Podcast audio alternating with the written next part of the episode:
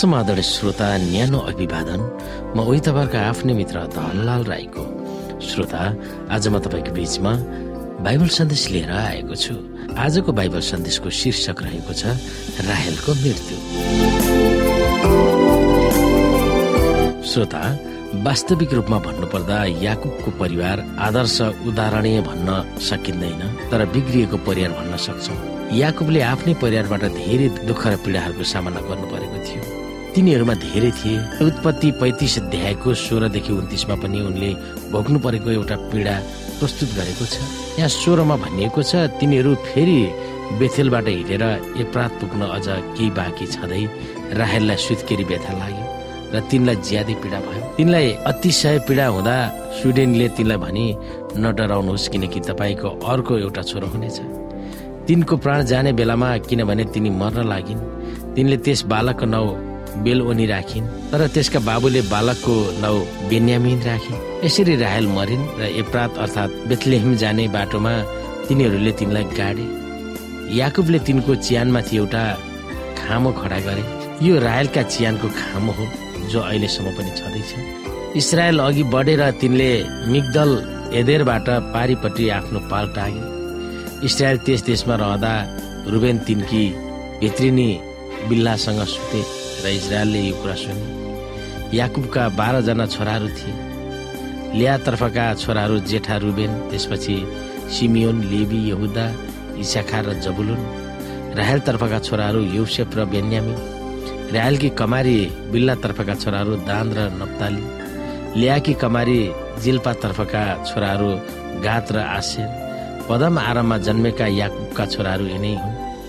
याकुब तिनका बाबु इसाक कहाँ ममरे अर्थात् किरियत अर्बामा आए जो हेब्रोन हो जहाँ अब्राम र इसाकले बसोबास गरेका थिए। इसाकको जम्मा उमेर एक सय अस्सी वर्ष भएको थियो।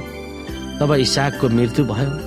तिनी वृद्ध र पुरा दिन पुगेका भई आफ्ना पिता पुर्खाहरूसँग मिल्न गए अनि तिनका छोरा एसाप र याकुबले तिनलाई गाडे। बेथेल छोडेर याकुब प्रतिज्ञा गरिएको भूमिमा अन्तिम पटक यात्रा गर्छन्।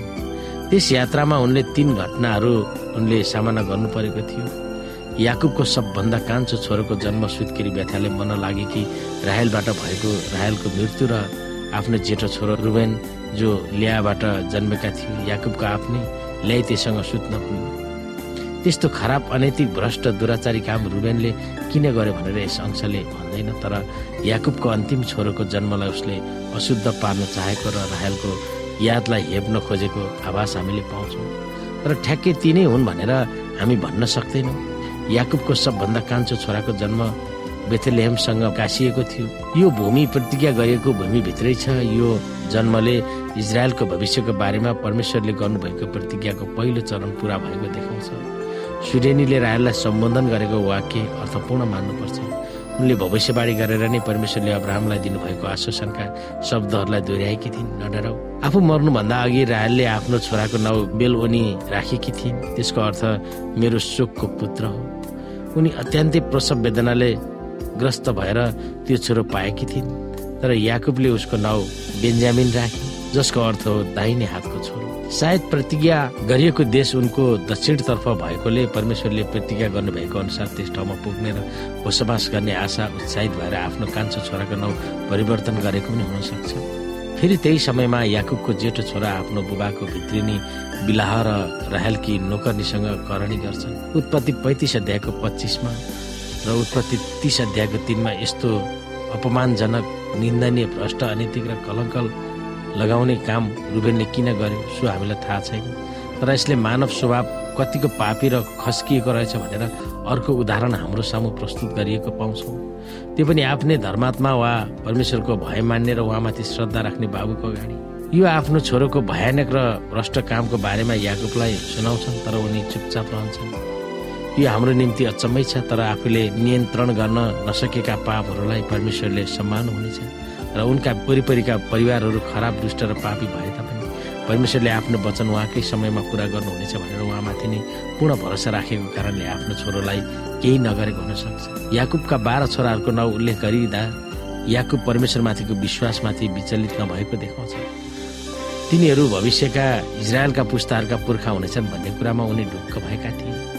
याकुबका प्राय जसो छोराहरू र वा भविष्यका पुस्ताहरू त्यस्तो दयालु शिष्ट उदाहरणीय योग्य त थिएन यद्यपि ती समस्याहरूको बावजुद पनि चाहे जतिसुकै बिग्रिएको परिवार नै किन नहुन् जस्तै रुबेनले आफ्नै सानी आमासँग सुतेर हाका हाकी दुष्ट र अनिति काम गरेको थियो। यही परिवारबाट परमेश्वरले आफ्नो लक्ष्य पुरा गर्नुहुनेछ भन्ने कुरा पुष्टि गर्दछ। मानिसले जतिसुकै गल्ती गरे तापनि जतिसुकै परमेश्वरको विद्रोह गरे तापनि जतिसुकै पापको पोखरीमा पौडी खेल्न मन पराए तापनि आखिरमा आएर परमेश्वरले आफ्ना लक्ष्यहरू पुरा गरि नै छाड्नुहुन्छ तर परमेश्वरको लक्ष्यमा मानिसहरूले सहयोग दिए कस्तो हुन्थ्यो? उहाँका आज्ञाहरू पालन गरे कस्तो असल हुन्थ्यो? परमेश्वरको इच्छा पुरा गर्न कतिपय मानव दुःख कष्ट तनाव आदिहरूबाट राहत पाउँदै सजिलो जीवन हुने थियो होइन र? यिनै कुराहरू तपाईँको बिचमा छोड्दै आजको कार्यक्रमबाट बिदा हुन्छु। हस्त नमस्ते जय मसिंह।